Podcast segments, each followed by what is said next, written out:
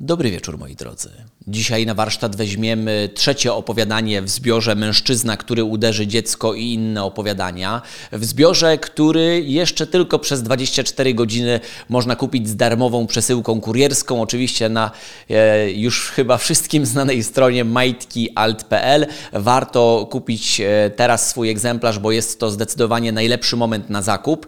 Chociażby nawet po to, żeby wiedzieć o co chodzi w tym cyklu i o co tutaj e, w ogóle zahaczamy, jak na przykład trzecie opowiadanie w kolejności, o którym dzisiaj będzie mowa, opowiadanie mm, o wdzięcznym tytule e, Bardzo miło, chyba że ktoś woli tę wymowę nieco bardziej zagraniczną, czyli bardzo miłą, chyba tak trzeba by było to czytać. Spokojnie nie zdradzę dzisiaj e, skąd taki podział i różne wersje fonetyczne tego samego stwierdzenia, dlatego że no tutaj w opowiadaniu znajduje się odpowiedź. Natomiast e, biorąc pod uwagę, że całość już w pierwszych e, akapitach sugeruje nam, że opowiadanie dotyczy pilota, uwaga, marynarki wojennej, tak, to nie jest pomyłka. Marynarka wojenna, która tradycyjnie nam się kojarzy jednak ze statkami, z bitwami morskimi, również ma swój dział lotnictwa. Jest to opowiadanie, które powstało na gruncie fascynacji e, mojej w ostatnim czasie sprawami wojskowymi i mojego pochłaniania e, całymi tomami specjalistycznych książek, ale też e, sytuacji, w których biegnę sobie gdzieś na przykład i na bardzo często towarzyszy mi jeden człowiek, a tym człowiekiem jest e, genialny Jarosław Wolski, cywilny analityk wojskowy, osoba, która z pasją i niesamowitą e, swadą potrafi rozmawiać o trudnych sprawach e, wojskowych i pomyślałem, że kto inny mógł być dzisiaj gościem mojego odcinka, jeśli nie Jarosław Wolski, pod którego wpływem to opowiadanie właśnie powstało. Jarek miał okazję przeczytać przeczytać je e, już wcześniej.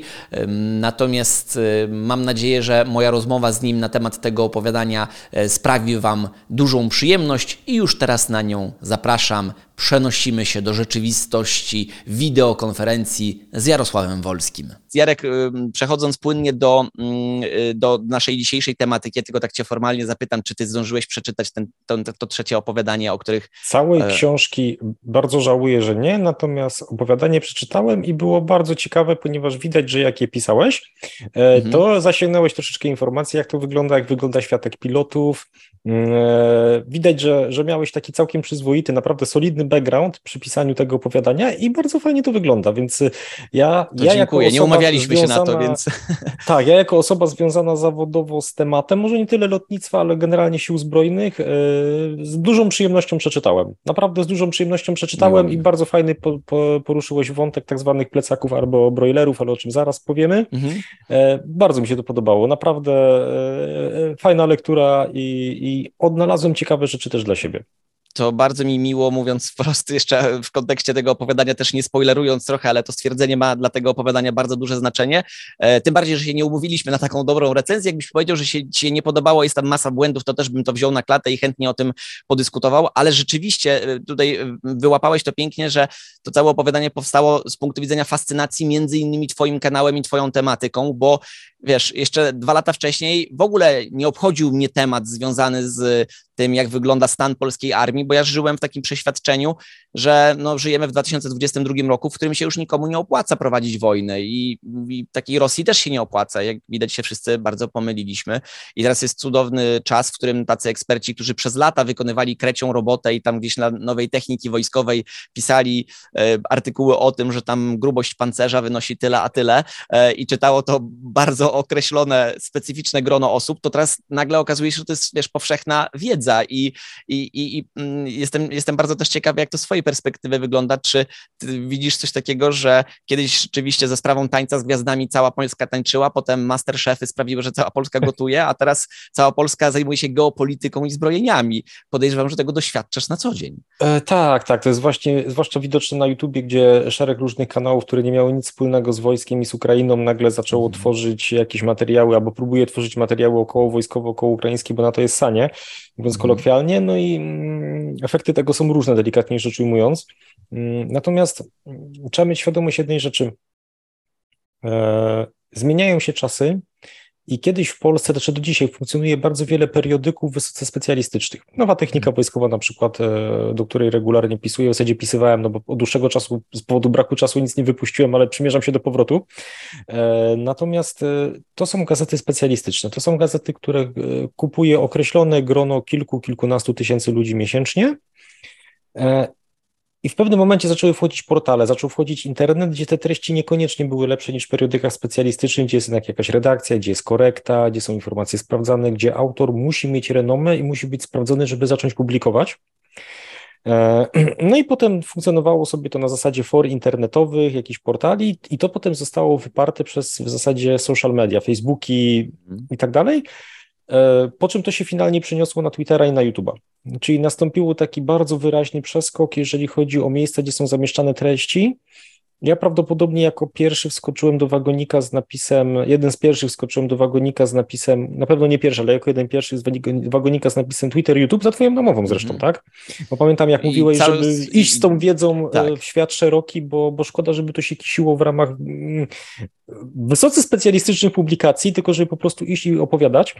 I to twoje opowiadanie jest bardzo fajne z dwóch przyczyn. Pierwszy jest taki, że porusza temat e, marynarki wojennej średnio, mm a po drugie porusza temat lotnictwa marynarki wojennej. I to są dwa niesamowicie ważne i dwa niesamowicie niszowe tematy, ponieważ wyobraź sobie, że najbardziej zawsze e, niedofinansowanym i niedocenianym rodzajem sił zbrojnych w Polsce była marynarka wojenna, a w jej ramach e, najbardziej przechlapane miały okręty podwodne i lotnictwo marynarki wojennej. No właśnie, e, bo to jest takie trochę nielogiczne, prawda, że mamy do czynienia z marynarką wojenną, czyli ok, bierzemy pod uwagę wszystko to, co pływa, to powiedzmy, że jeszcze okręty podwodne się łapią, ale z drugiej strony lotnictwo marynarki wojennej brzmi jak oksymoron, który się w ogóle nie powinien stać, a mamy tak naprawdę bazę e, lotnictwa marynarki wojennej, to jest ta oksywska Oksywie, baza, zdaje tak, się. Tak, tak babie, doły, babie doły, i tak. wiesz co, to, to tak tutaj trochę wejdę w tobie słowo, ale mm, mhm. od momentu jak zaczęły nad morzem pojawiać się samoloty, to te w wojnie morskiej te losy samolotów i okrętów splotły się nierozerwalnie. Czyli tak okazało mhm. się, że samoloty to jest po prostu rewelacyjne oko i ucho okrętów. W I wojnie światowej to było jeszcze takie trochę kulawe, w II wojnie światowej lotnictwo pokazało, co potrafi, ale mm, tutaj, żeby znowu nie było takiej, bo jest taka bardzo szkodliwa generalizacja, że mm, lotnictwo wyparło marynarkę. Nie, to jest symbioza. I tam, gdzie ta, i to bardzo dobrze pokazali Amerykanie na Pacyfiku, tam, gdzie ta mm, osłona dużych okrętów bardzo sprawnie działała, to na przykład nawet Japończycy w ramach ataków kamikadze nie byli w stanie osiągnąć nic, czyli 60 e, samolotów próbowało trafić w jakiś jeden broniący się niszczyciel, e, finalnie wyglądało tak, że 50 zostało zestrzelonych, dwa trafiły i niszczyciel ocalał. Tak, tak w dużym skrócie. Jasne. I okazało się, że nawet setki samolotów kamikadze, które inteligencją, e, umówmy się, że przewyższały najbardziej zaawansowane uzbrojenie precyzyjne, ponieważ człowiek jest niezastąpionym komputerem jeszcze. Mhm. No i Japończycy prekursorem byli powiedzmy takiej, wiesz, inteligencji pola walki, czyli wsadzili pilota z podczepioną półtonową bombą lotniczą do tak. samolotu, tak? No ale, ale okazało się, że mm, nawet mimo tego, że no pilot który pilotował samolot, co więcej, Japończycy mieli bomby z napędem rakietowym, tak zwane Baka albo AHU, czyli mm. półtonowy ładunek wybuchowy z takim samolocikiem z krótkimi skrzydłami z napędem rakietowym, który pilot miał pilot, pilotować i naprowadzać na cel, ginąc samobójczo. I on go tak wypuszczał po prostu, rozumiem, w ostatnim momencie, kiedy i on już docierał nie, nie. do celu własnym napędem, czy to dalej... To, to był taki mhm. samolocik mały z prostymi skrzydłami, on miał w środku pilota, mhm. półtonowy ładunek wybuchowy w środku i dodatkowy napęd rakietowy. I ten A, zrzucał, ten on... taki bombowiec zrzucał ten samolocik, on sobie szybował, znajdował okręt floty gdzieś tam, naprowadzał się na lotniskowiec, na pancernik, krążownik i w momencie nurkowania pilot e, odpalał ten silnik rakietowy, żeby ta bomba przyspieszyła, czy ten samolocik z tą bombą w środku przyspieszył, no i wbijał się w okręt. Ale Nawet... rozumiem, że też przyspieszał z pilotem w środku, czyli no, on żadnego elementu nie odczepiał. Jasne, okej. Okay. Czyli to jest jakaś... To był, nie? E, ale e, to jest bardzo ciekawy wątek ze względu na to, że czy to, co powiedziałeś, to jest coś, co my kojarzymy jako wszystkie, całego rodzaju akcje powiązane z kamikadze? Właśnie tak. technicznie kamikadze tak wyglądali? Tak, tak. Technicznie okay. wyglądało tak, że pilot y, no, startował jedną tylko misję i miał mhm. się wbić w okręt przeciwnika z tą bombą. Natomiast wiesz, to psychologia jest niesamowita, tak? To jest akurat twoja działka, ale w końcu Japończycy musieli wprowadzić że tak powiem, urzędowe rozstrzelanie pilotów kamikadze, którzy w ciągu 10 misji nie znaleźli nikogo. Mm -hmm. Bo byli tacy, którzy wylatywali, wracali, wylatywali, wracali, tak? No i tłumaczyli się, że nie znaleźli. E, natomiast e, w czym rzecz? Nawet mimo takich zaawansowanych środków, to okazało się, że obrona przeciwlotnicza okrętów amerykańskich jest w stanie strącić 95, 99, 8%, 98% samolotów, które próbują uderzyć w okręty. I to były działka przeciwlotnicze, artyleria przeciwlotnicza, bo Amerykanie, i to też bardzo mało widzów wie, w trakcie II wojny światowej opracowali pociski, które już wtedy naprowadza, miały zapalniki radarowe. Czyli pocisk -hmm. miał radar w czele, te pociski VT, i ten radar detonował pocisk w ściśle określonym momencie, czyli jaka, i to na ówczesne lata to była taka technologia, jak teraz patrzymy na jakieś samoloty F-35, F-22. Wow. Czyli wielozadaniowe maszyny zupełnie. Tak, mhm. i, i tak jak dla nas teraz to jest jakimś wyznacznikiem super nowoczesnej technologii, tak w latach II wojny światowej Amerykanie opracowali zapalnik radiolokacyjny do pocisków i to była wtedy taka technologia high-tech, absolutna, ściśle, tajnie trzymane. No ale w czym rzecz?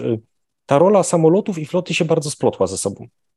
I Chociażby wszystkie... nawet ze względu na e, zwiększenie tego współczynnika e, w tym przypadku zestrzelonych ataków rakietowych ze strony japońskiej, tak? Czyli tak, no bo to wyglądało jest... tak, że mhm. samoloty myśliwskie polowały na bombowce na podejściach do okrętów, Okay. Potem była obrona przeciwlotnicza okrętów, czyli dalsza, bliższa obrona przeciwlotnicza, bezpośrednia okrętów. Oczywiście to było wszystko oparte albo o samoloty myśliwskie na patrolach, na podejściach, naprowadzane radarowo oczywiście, czyli radar z, samo, z okrętów wykrywał lecące bombowce japońskie, naprowadzał patrole myśliwskie.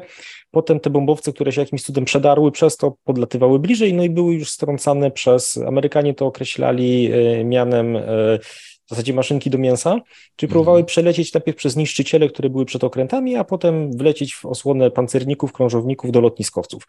I generalnie Rozumiem. efekty były opłakane dla Japończyków. Okazało się, że ta cała taktyka kamikadze, mimo kilku głośnych trafień, okazała się być kompletnie chybioną, hmm, chybionym pomysłem, ponieważ wyszło na to, że żeby trafić jeden okręt amerykański, to Japończycy stracili kilkaset samolotów. To był strasznie długi wstęp, ale wiesz, że ja lubię dygresję. Jasne, oczywiście, że tak. No po to się tutaj spotkaliśmy e, dzisiaj, żeby, żeby to, omówić całokształt. Fajne, to to, że, że potem to, co poruszyłeś w książce, czyli te lotnictwo marynarki wojennej, każda licząca się marynarka wojenna ma swoje lotnictwo. Tak, to jest, mm. mimo że i to jest jakiś mniejszy lub większy, ale organiczny komponent lotniczy, który jest w marynarce i który na stałe współpracuje z okrętami. I teraz dlaczego mm. tak jest? Może jest mm, bardzo specyficznym środowiskiem pracy.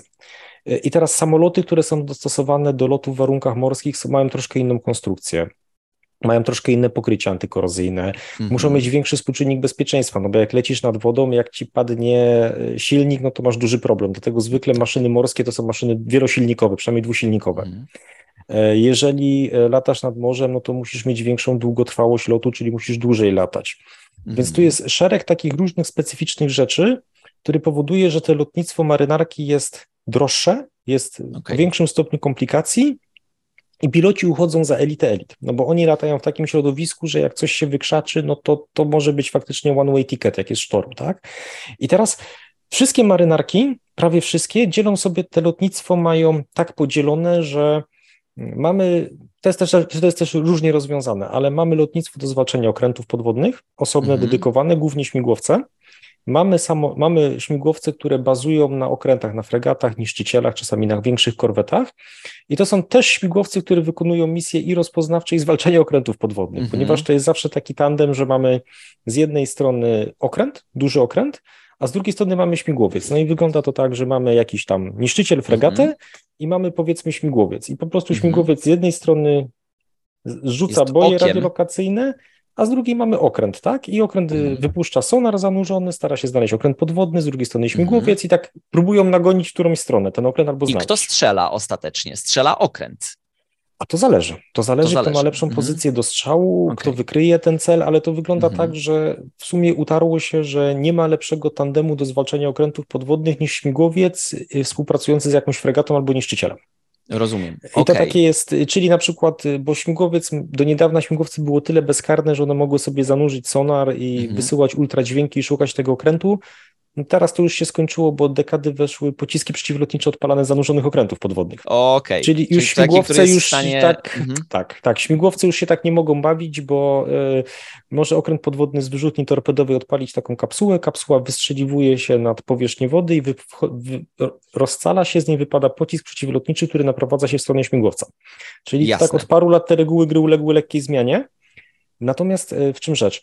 I jeszcze niektóre marynarki, w tym Polska, mają lotnictwo ratowniczo-poszukiwawcze, bo mm -hmm, w wielu krajach... SAR, prawda? SAR, tak, e, Search, and Rescue. And rescue tak. tak. Mm -hmm. I teraz część krajów ma osobną państwową służbę SAR, czyli mm -hmm. jest coś na pomiędzy Strażą Graniczną, a wydzieloną częścią floty, ale to I jest oni taki, pomagają wiesz, cywilnym, tylko, że, przepraszam, że cię wejdę w słowo, żebym to dobrze zrozumiał, bo, bo jest duża różnica między SAR a Combat SAR, gdzie to jest tak. na polu walki, czyli to jest sytuacja taka powiedzmy, że ja sobie płynę na, moim, na mojej barce, już tak sobie wyobraziłem taki obraz, ale na Bałtyku mam ogromny problem i jeśli wypadnę na przykład i, i, ktoś będzie musiał mi pomóc, to to jest ta służba, która przyjdzie mi z pomocą?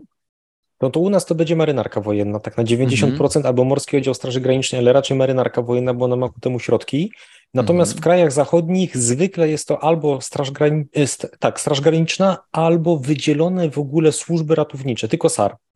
E, Rozumiem. I to działa o tyle fajnie, że ta służba ratownicza jest piekielnie droga ponieważ musisz mm -hmm. mieć mhm. śmigłowce, które są drogie. Mm -hmm. Musisz mieć przeszkolonych tak. pilotów, którzy są piekielnie drodzy i dlatego powstają osobne agencje, zwykle rządowe. Niekiedy są to firmy prywatne, ale też z bardzo dużym kontraktem zawartym z rządem, mm -hmm. ponieważ jest to służba trudna, nużąca, niebezpieczna i bardzo, bardzo droga.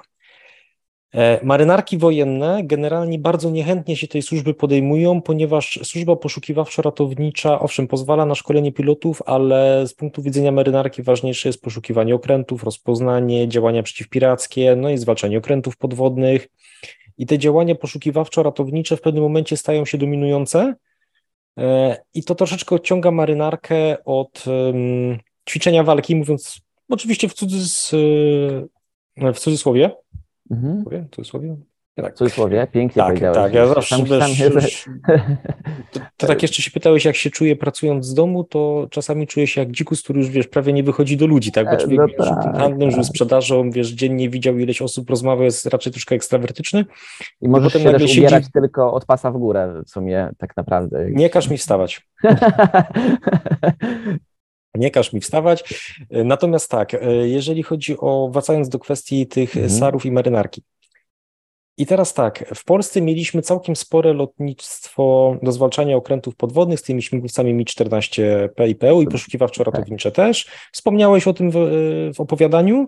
Fajnie, że wspomniałeś, no bo to była taka przeszłość. Tych śmigłowców było całkiem sporo, ale to wynikało ze specyficznej roli, którą miała pełnić polska marynarka wojenna przy boku marynarki radzieckiej. Mhm. I teraz tak, y, przyszły lata 90. i już przechodząc tak do meritum, marynarka wojenna w Polsce przegrała wszystko, co mogła przegrać.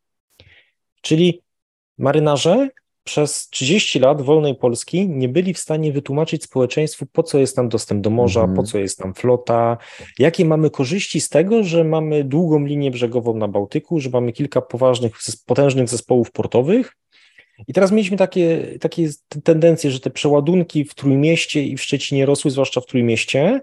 Bezpieczeństwo Polski, zwłaszcza energetyczne, coraz bardziej zależało od e, dostępu do morza, a jednocześnie nakłady na marynarkę były cięte do granic. Mhm. Marynarka była pierwszym polem do oszczędzania, i przy wiesz, głębokim aplauzie reszty sił zbrojnych, ponieważ reszta sił zbrojnych, y, dowództwo reszty sił zbrojnych, no to to było na zasadzie nie nas tą tylko marynarkę, tak? To niech się oni martwią.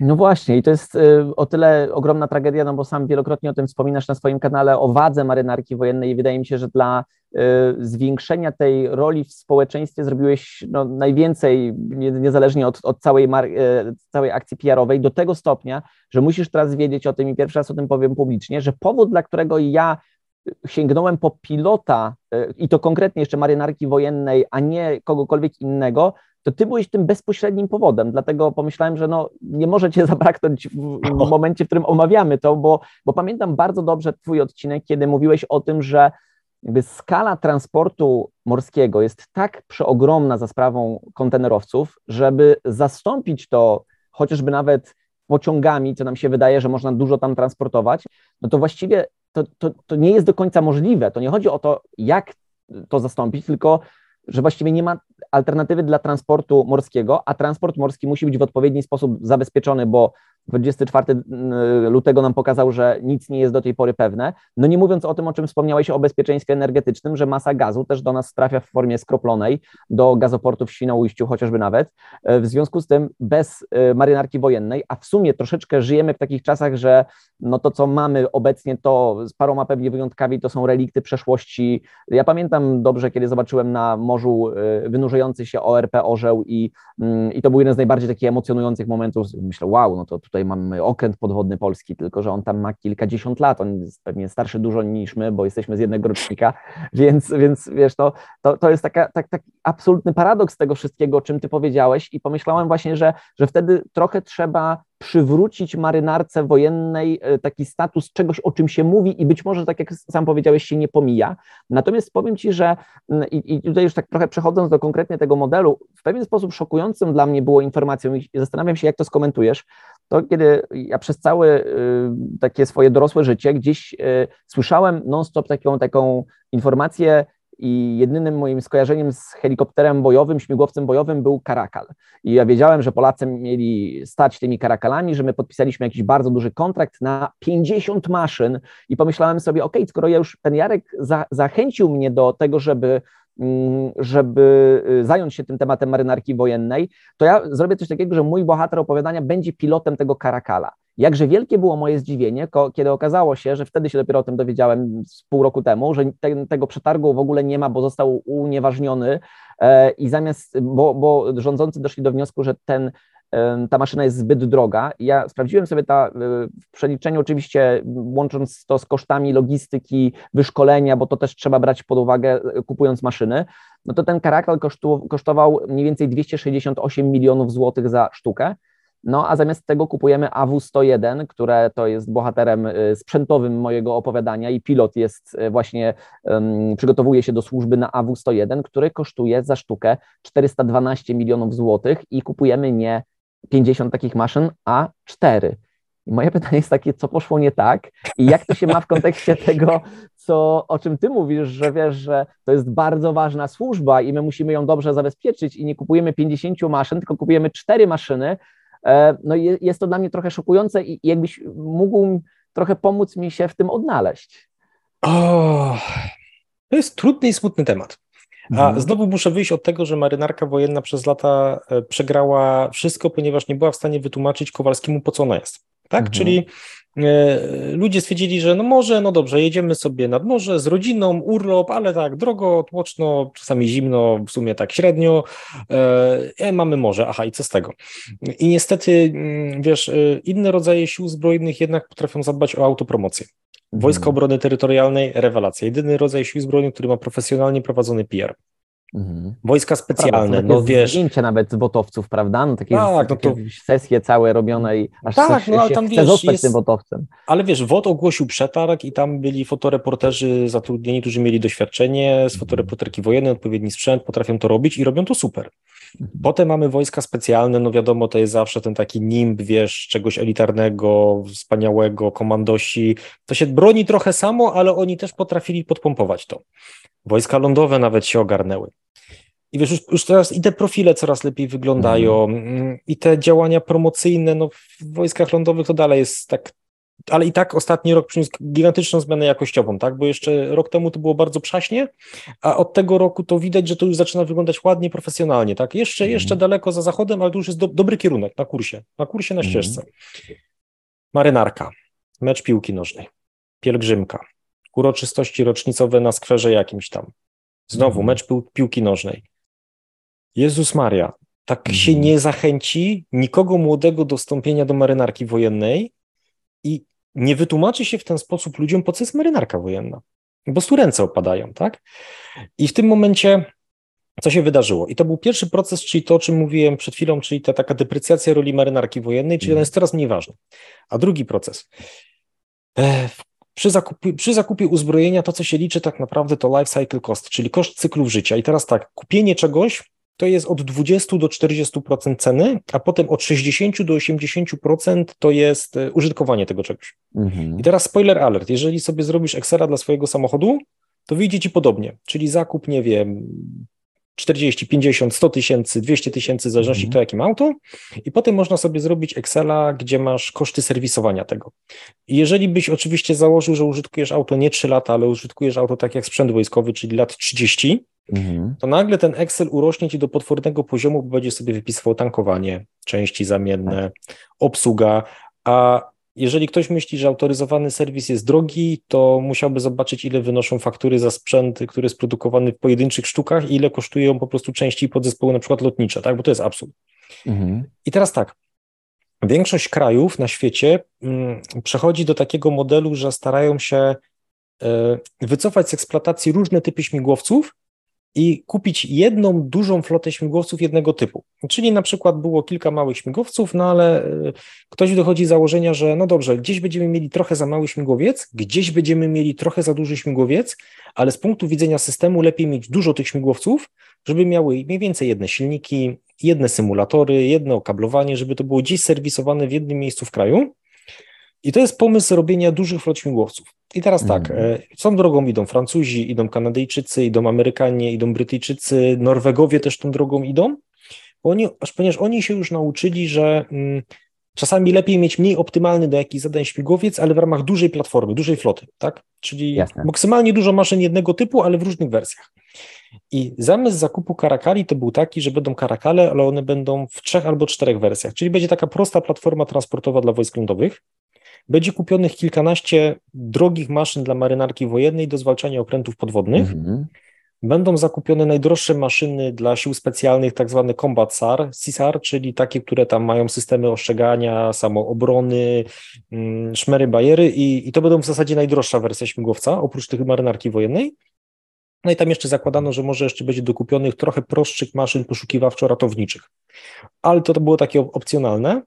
No i był pomysł, żeby kupić 50 śmigłowców. I teraz na mhm. początku, jeszcze w latach 2014-2013, to był przetarg, którego wszyscy określali przetargiem pod Black Hawka. Czyli mhm. wszyscy stwierdzili, że rozpisano przetarg, ale wiadomo, kto wygra. Bo tak wojsko manewrowało, że to wyglądało, że oni już wiedzą, co chcą kupić. I potem nagle ktoś e, stwierdził, że to jest trochę ekonomicznie bez sensu i zróbmy jedną dużą flotę śmigłowców w Polsce. No i okazało się, że złożył papiery tylko Airbus na Karakale. Mhm. I straszna okazja nam uciekła. Ja tu nie chcę wchodzić w politykę, żeby ktoś zrozumiał, że od polityki się tutaj dystansuje, abstrahuje od polityki. Mnie to nie obchodzi, tylko mówię, jak to wyglądało systemowo. E, I teraz pomysł był taki, żeby w Polsce w zakładach w bodajże Bydgoszczy albo w Łodzi ustanowić mhm. linię serwisową tych śmigłowców, częściowy montaż w Polsce, no i nam z różnych przyczyn ten deal przeleciał koło nosa, bo został anulowany w atmosferze skandalu. E, natomiast e, wzięli ten deal potem e, bez problemu Ukraińcy na 200 wyprodukowanie kilkuset śmigłowców i okazało się, że Francuzi nagonili im tylu klientów eksportowych, że gdyby nie wojna, to oni by te śmigłowce jeszcze parę ładnych lat produkowali. Ale w czym rzecz? U nas to zostało anulowane, ponieważ w to się wmieszała polityka i lobbying związków zawodowych z Mielca i Świdnika. Świdnik, czyli Leonardo, czyli włoskie zakłady oficjalnie. Tak. E, natomiast Mielec, czyli zakłady SAC, czyli Sikorsky Aircraft Corporation i amerykańskie. I po zmianie władzy w wyborach oba te ośrodki zaczęły robić jednocześnie bardzo potężny lobbying, żeby rozwiązać ten kontrakt. I w to się zmieszały związki zawodowe. I, na, I nie tylko, i polityka, jakiś taki lobbying, połączenia, i w związku z tym mm, anulowano kontrakt na Karakale. I teraz tak, wszystko jedno, jaki by śmigłowiec wybrano. Naprawdę wszystko jedno, byleby wybrano jedną dużą platformę. Nie zrobiono tego. Zrobiono rozwiązanie e, najdroższe możliwe, czyli kupiono sobie tu cztery maszyny, tu osiem, tu kolejnych osiem, tu znowu cztery, różnych typów, tak? Różnych teraz typów. podpisano jakieś 32 z Leonardo i teraz, żeby było jasne, to nie znaczy, że te śmigłowce, które kupiliśmy zamiast są złe. Nie, one są bardzo dobre. Kupa mhm. flot na świecie je użytkuje, to są świetne maszyny. I to bez, to, to bez dwóch zdań, tak? Tylko e, my idziemy tam, gdzie Zachód był 15 lat temu i uciekł z krzykiem. Czyli bogaty Zachód stwierdził, że trochę za drogo wychodzi obsługa i serwisowanie tych maszyn, więc jednak rezygnujemy z tych wielu flot, nawet jeżeli to są super śmigłowce, e, tylko sobie kupujemy po prostu jedną dużą flotę, nawet trochę mniej dostosowanych maszyn do danych zadań, ale takie, które będą no po prostu e, optymalne kosztowo. Jasne. I, I tak się... właśnie AW101 weszło całe na biało yy, tak. jako, I teraz... jako maszyna części grupy Leonardo, prawda? Bo ona jest tak. producentem. Mhm. I teraz, żeby było jasne, e, pod względem technicznym AW101 to się nie można czepiać. To jest Rolls-Royce, to jest Mercedes mhm. S-klasy. To jest e, tak, jakbyś po prostu e, miał najlepszy możliwy śmigłowiec morski, bo w zasadzie on jest określany jako jeden z najlepszych na świecie śmigłowców morskich. Dlaczego? Duży, bezpieczny, ma trzy silniki, aż trzy silniki, ma gigantyczny zapas mocy, ma bardzo duże bezpieczeństwo misji. To jest bardzo nowo, mimo że ten śmigłowiec tam prototyp miał chyba oblot 20 albo 30 lat temu, to ten śmigłowiec generalnie jest mega nowoczesny. I tam, gdzie go, gdzie jest obsługiwany, to on zbiera same pochwały i same superlatywy, ponieważ jeżeli jakiś rodzaj marynarki może sobie wybrać śmigłowiec na zasadzie budżetu, wiesz, sky is the limit, mhm. to jak wybierze AW101, to będzie mega zachwycony, bo to okay. jest super śmigłowiec i to, i to jest bez dwóch zdań.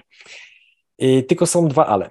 Pierwsze ale jest takie, że przez to, że tu są trzy silniki, to koszty obsługi to są wyższe nie o 30, a o 40%, bo to nie jest liniowe, czyli ten mhm. śmigłowiec, czyli obsługując dwa śmigłowce, płacisz tak, jakbyś obsługiwał trzy śmigłowce inne. W dużym mhm. skrócie. E, druga sprawa, ten śmigłowiec jest piekielnie drogi. W związku tak. z powyższym, e, tam gdzie kupiono by tych śmigłowców 8, to my na przykład kupiliśmy 4. I teraz trzecia sprawa i najgorsza, średnia sprawność floty tych śmigłowców to jest od 40 do 60%. Czyli no jak masz 10 śmigłowców, to lata ci od 4 do 6, bo reszta jest w naprawie, albo w przeglądzie, albo czeka na naprawę. I teraz tak, tam gdzie masz flotę, nie wiem, 20, 25 tych śmigłowców, to nie ma problemu, tak, bo i tak masz ich dużo. Natomiast my kupiliśmy cztery śmigłowce, a to oznacza, że w najlepszym razie do lotu będą się nadawały dwa. No jest to szokująca dla mnie informacja. Miałem Cię o to zapytać, bo po raz pierwszy w życiu usłyszałem e, o, o, tym przy okazji, zresztą też z Twojego kanału w kontekście F-16, kiedy mi się wydawało, że kupiliśmy tam dziesiąt tych maszyn i gdyby przyszło co do czego, gdyby Rosja nas zaatakowała czy cokolwiek takiego, to nagle się pod, podrywa tyle z tych maszyn, a potem się okazuje, że część z nich jest przeznaczona i to systemowo i od samego początku to nie jest jakby bałaganiarstwo na przykład polskiej armii, do tego, żeby stanowić żywą bazę części zamiennych dla ewentualnie innego modelu. I czy to jest w ogóle praktyka natowska, która polega na tym, że się kupuje w takiej sytuacji nadmiar maszyn po to, żeby one stanowiły taki rezerwuar części? Czy to jest jednak rzecz taka, która no jakby została przefiltrowana przez czasami polską byle jakość i, i jedno drugie się nałożyło. Znaczy, kanibalizm jest najgorszym możliwym pomysłem, e, ponieważ mm. tak zwana kanibalka, mm, podzespoły w sprzęcie wojskowym nie psują się liniowo. Czyli to nie jest tak, że jest prawdopodobieństwo, że dany podzespół się, zepsuje się tyle samo, co inny podzespół, tylko niektóre podzespoły psują się bardziej niż reszta. I teraz e, kanibalizm to jest taki akt rozpaczy, kiedy za długo czekasz na podzespoły od producenta, albo kiedy tak jak w Polsce nie masz magazynu buforowego. Ponieważ większość armii na świecie wie, że jest pewien czas oczekiwania na podzespoły od producenta. W związku z tym za duże pieniążki stawia się tak zwane magazyny buforowe. To jest magazyn hmm. części zamiennych dla danej floty maszyn w danym kraju, no bo producent ma to świetnie policzone i on jeżeli jakąś maszynę sprzedał w tysiącach egzemplarzy do kilkudziesięciu krajów na świecie, no to on wie, że podzespół A psuje się częściej niż podzespół B. I producent jest w stanie bardzo precyzyjnie policzyć, ile ty będziesz tych podzespołów po, potrzebował. I to nie jest wiedza tajemna, y, producenci wprost to podają i tylko mówią, słuchajcie Polacy, cieszymy się, że kupiliście nasze maszyny, mhm. Y, ale tak, no jeżeli chcecie mieć sprawność floty na poziomie średnio natowskim, czyli 80%, tam 70-80%, no to pamiętajcie, że czas oczekiwania na te podzespoły to jest rok na przykład. Mhm. Czyli jak nie chcecie czekać roku i mieć przez rok jakieś maszyny w hangarze niesprawnej, to zróbcie sobie magazyn buforowy, zapłacicie nam trochę więcej przy zakupie maszyn, ale dostarczymy Wam na przykład do 48 maszyn dostarczymy Wam na przykład 50 silników, albo do 48 maszyn dostarczymy Wam 64 silniki, będziecie mieli swoje silniki, coś się zepsuje, w swoich zakładach lotniczych wymienicie silnik, a, nasz, a ten wyślicie nam do, nap do naprawy i dostaniecie go tam za pół roku na przykład. No ale będziecie mieli lotne maszyny, tylko to kosztuje. To mhm. wtedy kupuje się nie gołe samoloty, tak jak u nas, albo z minimalnym pakietem startowym, tylko chociaż ten deal na F-16 to i tak nieźle wyglądał systemowo, tylko kupuje się po prostu niby mniej maszyn, niby dziwnie drożej, ale kupuje się cały system. Rozumiem. I teraz na przykład my tak kupujemy teraz czołgi Abrams w końcu, tak? Czyli siły zbrojne mhm. poszły po rozum do głowy i w końcu kupują cały system. E, natomiast u nas tak to nie wyglądało. U nas było na zasadzie, przez lata na wojsku tak oszczędzano, że wojskowi nauczyli się robić zakupy takie, że kupowali goły sprzęt, co już to była jakaś kwota niewyobrażalna dla, tak. dla polityków cywilnych, E, po czym kolanem się gdzieś tam upychało w budżecie jakieś części zamienne, serwisy, remonty. Część maszyn była niesprawna, no ale to było na zasadzie, no dobra, chociaż mamy bazowe maszyny, więc jak coś się wydarzy, to sojuszniczycy nam podeślą, podeślą części, wojny nie wybuchają z dnia na dzień, będzie czas, żeby to wyremontować, przygotować, chociaż miejmy ten sprzęt. I to właśnie taka polityczna byle jakość, bo to kwestia polityki, tak? Bo Jasne. wszystkie rządy od prawa do lewa bez wyjątku oszczędzały na Ministerstwie Obrony Narodowej, bardzo wyraźnie. Mhm. I teraz wiesz, y, E, w krajach e, gdzie indziej, w takich demokracjach, albo inaczej, w krajach, gdzie systemowo siły zbrojne działają inaczej, no to nawet wolą kupić mniej maszyn, ale kupić całym systemem. Czyli My wiesz, tego nie robimy e, w takiej. No, uczymy się. Rozumiem, uczymy, uczymy się, ładnie się. powiedziałeś, bardzo dyplomatycznie, widzisz, to jeszcze Jarek, kariera w polityce ewentualnie, e, ale nie, nie, nie życzę, absolutnie, ale, ale, ale to cudownie teraz mi trochę wyjaśniłeś, skąd się bierze właśnie to zjadanie tych maszyn poszczególnych, no bo jak nie masz magazynu buforowego, to musisz sobie radzić jakoś skądś wziąć części, natomiast no w kontekście tej liczby, no jest to trochę przerażające, że, że właśnie mamy cztery maszyny, jedna, dwie sprawne. I tak sobie myślę, czy w skali całego teatru prowadzenia konfliktu, no, czy cztery maszyny, czyli docelowo pewnie dwie, no pewnie trzy przy lepszych wiatrach, e, to czy to jest coś, co w ogóle jest w stanie dla marynarki wojennej zrobić różnicę? I to, tak. jest, to jest jednak tak, mimo wszystko. Tak, jednak tak, ponieważ śmigłowce, zwłaszcza tak nowoczesne jak AW-101, bo to jest bardzo nowoczesny śmigłowiec. Jeszcze mhm. raz trzeba powiedzieć, że y, marynarka wojenna kupiła sobie Maybacha. To nawet, mhm. nie, nie, nawet nie Mercedesa, kupiła sobie Maybacha. Okay. I te śmigłowce y, będą robiły gigantyczną różnicę. Natomiast, żeby zabezpieczyć e, zadania, do których mogą, mogą być przewidziane, to w zasadzie trzeba byłoby ich kupić tyle samo, ile mieliśmy wycofywanych Mi-14. Czyli okay. mówilibyśmy o mniej więcej od 12 do 18 sztuk tych śmigłowców, żeby naprawdę móc zabezpieczyć działania i zwalczania okrętów podwodnych, i poszukiwania okrętów, rozpoznania i ratownicze. I teraz jest jeszcze jedna ważna sprawa. Marynarze byli tak zdesperowani te kilka lat temu, bo tam no, w marynarce naprawdę źle było, tak, jeżeli chodzi o sprzęt, naprawdę źle.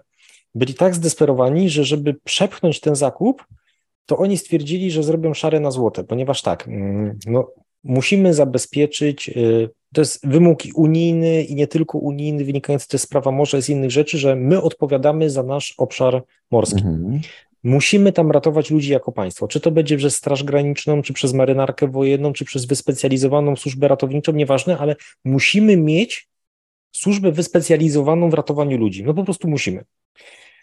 E, I teraz tak, marynarze stwierdzili, że skoro tak, to oni uargumentują politykom, że my potrzebujemy kilka śmigłowców poszukiwawczo-ratowniczych, ale przy okazji je zrobi się tak, że one będą moduły miały misyjne i śmigłowiec poszukiwawczo-ratowniczy po zamontowaniu tych modułów będzie mógł być na przykład śmigłowcem do zwalczania okrętów podwodnych albo do zadań rozpoznawczych. Czyli jest taką maszynką wielozadaniową i tego właśnie też trochę dotyczy moje pytanie, które chciałem Ci zadać, bo ono mi wyszło trochę na etapie researchu do pisania tego opowiadania, dlatego że tam ten bohater e, tego opowiadania zdaje kolejne egzaminy i zdaje kolejne jakby części, jednym z nich właśnie jest zwalczanie okrętów podwodnych, misje poszukiwawcze i tak dalej. I gdzieś natknąłem się na dokładnie to, to porównanie, o którym Ty mówisz, jest wydaje mi się, że absolutnie trafione, bo Maybach jest, e, jest ciekawą maszyną pod tym względem, że ma piekielnie silny silnik, e, jest luksusowy, jest ciężki, e, jest przekonkretny i gdzieś spotkałem się z taką, z taką opinią, którą jestem ciekawy, jak skomentujesz, że owszem, w wielu przypadkach jednostek sił zbrojnych takie połączenia można robić, ale nie w przypadku śmigłowców bojowych marynarki wojennej, ze względu na to, że to są zadania, które się wzajemnie wykluczają, bo jeśli kogoś wy, wysyłasz na nawet SAR taki cywilny, to ta maszyna musi być maksymalnie mm, lekka. W momencie, w którym masz zwalczanie okrętów podwodnych i musisz do tego doczepić na przykład y, Sonar Flash Sonix y, w francuskiej produkcji, no to on już swoje waży, w związku z tym wykluczasz tą swoją pierwotną misję. I pojawia się tutaj pytanie, czy w rzeczywistości da się po, połączyć tak przeciwstawne właściwie zadania tej samej jednej maszyny? Nie, dlatego jest pomysł mhm. y, modułów, czyli masz śmigłowiec na co dzień w czasie pokoju w konfiguracji poszukiwawczo-ratowniczy, czyli ma wciągarkę z koszem. Mhm. W środku jest, są wyciągnięte moduły, czyli konsole do operatoru zwalczania okrętów podwodnych, jakieś pławy zrzucane hydroakustyczne, sonar zanurzalny, tego nie ma. Nie ma oczywiście mhm. torped do zwalczania okrętów podwodnych. Tego wyposażenia nie ma, ono jest wymontowane ze śmigłowca, bo to jest no, konstrukcja modułowa do pewnego stopnia. Okej. Okay. E, no i ten śmigłowiec lata sobie jako poszukiwawczy, a w momencie, w którym mamy stan zagrożenia państwa, coś się dzieje, no to wtedy w ciągu kilku dni montujemy te moduły misyjne, no i śmigłowiec poszukiwawczo-ratowniczy staje się śmigłowcem mm, zwalczania okrętów podwodnych. I teraz tu już na pewno widzisz dwa zagrożenia. Pierwsze jest takie, że w takim razie jak szkolić pilotów poza symulatorami, no skoro masz albo, albo, jeżeli sprawność floty jest taka, że umówmy się, że z tych czterech śmigłowców to najlepszym razie lotne będą trzy. No to co? Mhm. Dwa poszukiwawczo-ratownicze, jeden do zwalczania okrętów podwodnych? No właśnie. No to dziwnie, tak? E, no a po drugie, e, trwa czas na mm, przygotowanie tej maszyny, trwa czas na, na przezbrojenie.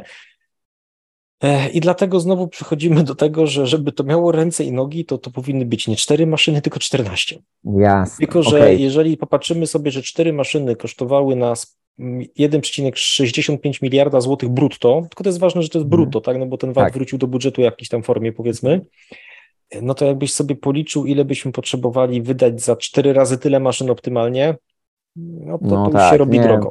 Przepotężny koszt, bo, bo ja rzeczywiście pozwoliłem sobie i mówiąc uczciwie, nie, nie, sprawdziłem tego, e, czy tak w rzeczywistości to wygląda. Ten mój bohater tego opowiadania, sam wiesz, że on szkolił się w zakresie całej no, właściwie każdego modułu, który właśnie można tam doczepić. E, e, tak jest. Czy to jest prawda? Czy to, tak, tak, tak się dzieje w rzeczywistości? Okej. Okay. Tak, znaczy, Czyli to są jasne. dlatego elitarne jednostki, bo one są tak bardzo wszechstronne. Tak, żeby było też jasne. Piloci lotnictwa marynarki wojennej to jest elita elity. I oni mhm. są faktycznie szkoleni kompleksowo. Taki pilot jest na wagę złota, faktycznie. E, I to jest facet, któremu powinni zapłacić tyle, ile chce, by został w służbie, zwłaszcza jak jest wyszkolony. Mhm. Tak, żeby ci piloci nie mhm. uciekali do cywila, nie uciekali do lotnictwa cywilnego. Marynarka powinna tych pilotów zatrzymać tak długo, jak oni spełniają warunki fizyczne do służby, tak? Czyli Jasne. dopóki się nie zrobią, mówiąc brzydko, za starzy, tak? Jeżeli im refleks spadnie, jakieś problemy zdrowotne, no to wtedy jest out niestety, ale oni tak długo, na taki pilot, nie wiem, jak będzie chciał mieć 60 i będzie chciał latać, niech lata, tak? Bo to mhm. z punktu widzenia tego, ile milionów, setek milionów na szkolenie zostało wydane, to głupotą jest tracenie tych pilotów.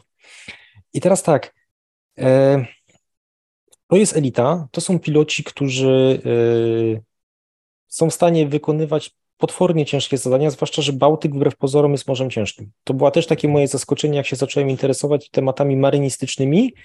Bałtyk jest morzem trudnym, Bałtyk jest morzem ciężkim, Bałtyk jest morzem, gdzie 90 dni w roku to są dni mniej więcej nielotne ze sztormową pogodą. E, to jest morze, które e, nie ma wcale prostych warunków do żeglugi, a jednocześnie jest morzem bardzo zatłoczonym. Mhm.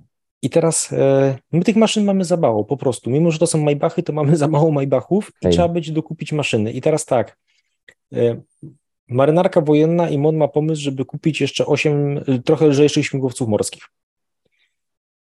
I teraz pytanie, czy nie jednak lepiej już w takim razie unifikować wszystko pod AW101 i mhm. po prostu nie rozbudować floty AW101, niż kupować 8 lżejszych maszyn i jeszcze niekoniecznie od tego samego producenta, znając polski MON, nie? bo to już może być w mhm. ogóle absurd bo niedługo będziemy mieli w lotnictwie marynarki wojennej pięć różnych typów maszyn i żadna nie będzie kompatybilna ze sobą. W zasadzie już mamy pięć typów maszyn.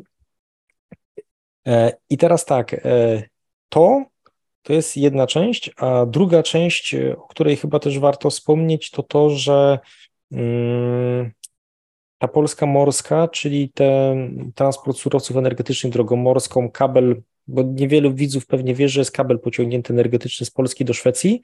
Tak. Parę razy Polska była przed blackoutem uratowana tym, że importowaliśmy energię ze Szwecji.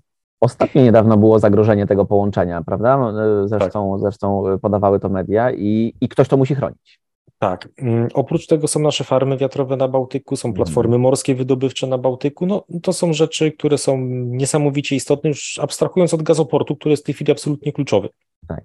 Tak, tak, tak, to prawda. A, a zwróciłeś uwagę na coś bardzo ważnego i tam w opowiadaniu dosłownie jest taki fragmencik, który tego, tego, tego dotyczy, ale znowu chciałem to zweryfikować z praktykiem i, i zastanowić się, na ile ja nie, nie myślę o tych sprawach idealistycznie, bo słusznie zauważyłeś, że mimo wszystko żyjemy w takich czasach, w których ten człowiek jest bardzo ważny i wyszkolenie tego człowieka kosztuje piekielnie dużo pieniędzy. Natomiast ja się spotkałem z taką praktyką właśnie w różnych krajach natowskich, że piloci e, myśliwców, piloci, właśnie taka elita, o której sam wspomniałeś, e, lotnictwa morskiego, są w odpowiedni sposób chronieni, na takiej zasadzie, że my nie znamy ich tożsamości, po to, żeby nie stali się ofiarami wroga w momencie, w którym dochodzi do ataku, albo na przykład przez wyprzedzenie tego ataku. Tak się zastanawiam, czy w Polsce, już nawet nie chodzi mi w obrębie marynarki wojennej, ta zasada obowiązuje, skoro na przykład wszem i wobec wiadomo, że żona Szymona Hołowni jest świetną pilotką myśliwców w Polsce. Tak sobie myślę, czy to jest wyjątek od zasady, czy jednak polskie siły zbrojne chronią takie najbardziej wrażliwe komponenty swoich wojsk, na przykład zapewniając pełną anonimowość swoim żołnierzom? Mm. Odpowiedź znam, ale ona jest trudna. E, okay. Może powiem inaczej. Na Zachodzie się tego nauczono, jak piloci zaczęli dostawać pogróżki po misjach nad mhm. Irakiem i Afganistanem i mm, Al-Kaida albo tam inne um, organizacje terrorystyczne miały pomysł zabijania pilotów. I tam się na zachodzie nauczono, że trzeba tych pilotów chronić, jednak e, pewna anonimizacja jest potrzebna, zwłaszcza tych pilotów, którzy są w aktywnej służbie. Czyli zwiększona ochrona, że to jest zawód, wiadomo, że piloci są dumni z tego, że są pilotami, że to jest elitarna służba, ale e, no jednak e, media społecznościowe nie powinny być dla wszystkich, tak? Mhm. Zwłaszcza jeżeli chce się mieć w miarę bezpieczną rodzinę. My nie mamy tak drastycznych doświadczeń. Uczymy się dopiero tego. Natomiast e, znowu my jesteśmy tu, gdzie dekadę temu był Zachód. Tak? U nas teraz dopiero rośnie świadomość tego, że mm, trzeba dbać o tak wysoce specjalistyczny personel, że trzeba ich chronić, że najprostszą metodą jest nie tyle mm, uderzenie w samoloty, które są dobrze bronione i same się potrafią bronić, tylko w pilotów. To się zmienia, tak? E, myślę, że jest lepiej niż było jeszcze parę czy, czy, czy kilkanaście lat temu, także jest, jest zdecydowanie na plus. Okej, okay, czyli to jest sprawa, która mm, no, to, to, jest nadzieja w związku z tym. E, ja tam e, wybudowałem oś tego opowiadania wokół spotkania różnych pilotów z różnych państw na natowskich w bazie Stavangersola w sojuszniczej bazie norweskiej. Zastanawiam się, czy w rzeczywistości szkolenia natowskie tak wyglądają, Jarek. Czy to jest tak, że faktycznie szkolenia na pewnym etapie są eksterytorialne i łączy się wiele e, osób z różnych krajów, czy raczej większość szkoleń to są, tak jak sobie wyobrażamy, Y, wiesz, może no nie serial Kawaleria Powietrzna z lat 90., który uwielbiam całym sercem, ale wiesz, skoszarowanych kilkunastu chłopa i oni tam sobie właśnie robią ćwiczenia, na przykład w myśl natowskiego systemu, owszem, ale jednak one się odbywają tu, y, tu na miejscu w Polsce. Jak to jest w rzeczywistości? Znaczy to jest zawsze, szkolenie jest zawsze wielostopniowe, wielopoziomowe, y, natomiast szkolenia wspólne natowskie są niesamowicie ważne. Mhm. Odbywają się wspólne szkolenie natowskie różnych krajów, państw sojuszu, Głównie po to, żeby ujednolicać procedury, żeby sprawdzać, jak to wygląda, żeby uczyć się od siebie. E, więc e, tak, takie spotkania jak najbardziej mają miejsce, takie szkolenia mają miejsca. No i też pamiętajmy o tym, że my na przykład w kraju nie mamy bazy szkoleniowej podśmigłowca AW101. Mhm. Dopiero powstanie, więc piloci siłą rzeczy są szkoleni za granicą. E, I mamy taki potworny problem, że u nas, tak samo było z pilotami F-16, że mamy na początku świetnie wyszkolonych pilotów, którzy mają mega wiedzę, mega praktykę, mega nalot, po czym tych ludzi tracimy, bo oni odchodzą na emeryturę, odchodzą do cywila, mm tak? I to jest, to jest niedobre zjawisko. MON jakoś nie ma pomysłu, znaczy tu są dwie sprawy. Pierwsza jest taka, że MON nie ma pomysłu, jak tych ludzi naprawdę efektywnie zatrzymywać w służbie, to jest raz. E, I to się wiążą i kwestie finansowe, i kwestie inne, bo kiedyś było tak, że piloci dość łatwo mogli odejść do cywila, zrobić uprawnienia na prywatne maszyny i zarabiać 10 razy tyle, co zarabiali w wojsku, tak? Co było absurdem kompletnym i totalnym. E, teraz przez. Już trochę... tak nie można. Znaczy nie, no. Mówiąc Ale... brzydko, był taki mhm. geniusz, e, pan Szmajdziński, który stwierdził, że e, rozjedzie cykl szkolenia pilotów wojskowych z pilotami cywilnymi, po to, żeby piloci wojskowi nie mogli łatwo dokonywać rekonwersji na pilotów cywilnych. Mhm. Efektem tego między innymi była katastrofa w Smoleńsku.